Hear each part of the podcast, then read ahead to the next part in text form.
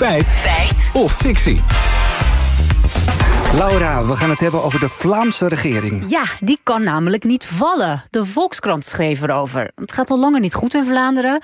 Maar hoe goed of slecht het ook gaat, de regering is niet omver te krijgen. Dat is echt wel een opmerkelijke regering die niet uh, kan vallen. Maar eerst even, waarom zitten ze daar eigenlijk überhaupt in de problemen? Nou, dat komt door een herkenbaar probleem. Het stikstofdossier. Ah. Maar hoe groot zijn die problemen dan bij onze zuidenburen? Nou, dat vroeg ik aan klimaatwetenschapper Wouter Lefebvre... van onderzoeksorganisatie Duurzaamheid Vito. In Vlaanderen is het grootste stikstofprobleem waar we de combinatie hebben van een intensieve veeteelt met uh, gevoelige natuurgebieden in. Oké, stikstof zorgt dus daar ook voor problemen, voor, uh, vooral door veeteelt en de natuur. Maar de Vlaamse regering zal er dus niet doorvallen. Hoe zit dat? Nou, om dat te checken belde ik met de Vlaamse politicoloog Laura Jacobs van de Belgische Universiteit ULB. De Vlaamse regering kan niet vallen. De Vlaamse regering staat men noemt een legislatuurregering of een regering die voor de volledige regeerperiode benoemd is. En dat wil zeggen dat de Vlaamse minister-president niet naar de koning kan gaan om het ontslag aan te bieden of vervroegde verkiezingen uit te schrijven. Dus de Vlaamse regering moet verder doen en de Vlaamse regering kan niet uh, vallen. Oké, okay, dus de regering kan daar alleen om de paar jaar herkozen worden? Nou, er is nog een andere mogelijkheid voor een andere regering. Politicoloog Laura Jacobs daar weer over.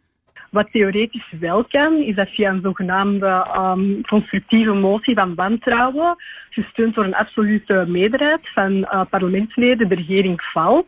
Maar dan moet je eigenlijk ook meteen een nieuwe regering met een meerderheid in het parlement in het zadel hijsen voor de rest van de uh, legislatuur. En dat is nog niet gebeurd en die kans is dan ook heel erg klein. Ja, als de Nederlandse regering valt, krijgen we een demissionair kabinet. Ik was benieuwd of dat in Vlaanderen ook mogelijk is. Dus op Vlaams niveau is er ook geen sprake van een demissionair kabinet, zoals dat in Nederland het geval is, of in België ook op het federale niveau.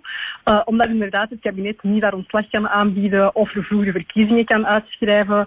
Dat wil zeggen dat dus de Vlaamse regering altijd moet voortdoen tot de volgende verkiezingen, uh, die dus telkens om de vijf jaar plaatsvinden. Oké, okay, oké. Okay. Ja, toch nog even over die stikstofproblemen in België, want dat fascineert me wel. Mm. Is dat dan vergelijkbaar met Nederland? Nou, we doen het hier in Nederland echt nog slechter dan België, vertelde oh. wetenschapper Klimaat Wouter Lefebvre ons ook nog.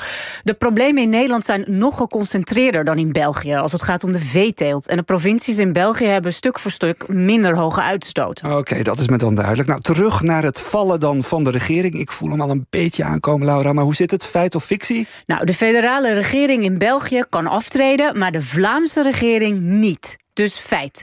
Het kan alleen als er een alternatieve meerderheid op de been wordt gebracht. En dat is sinds de huidige wetgeving, die sinds 1995 van kracht is, niet gebeurd.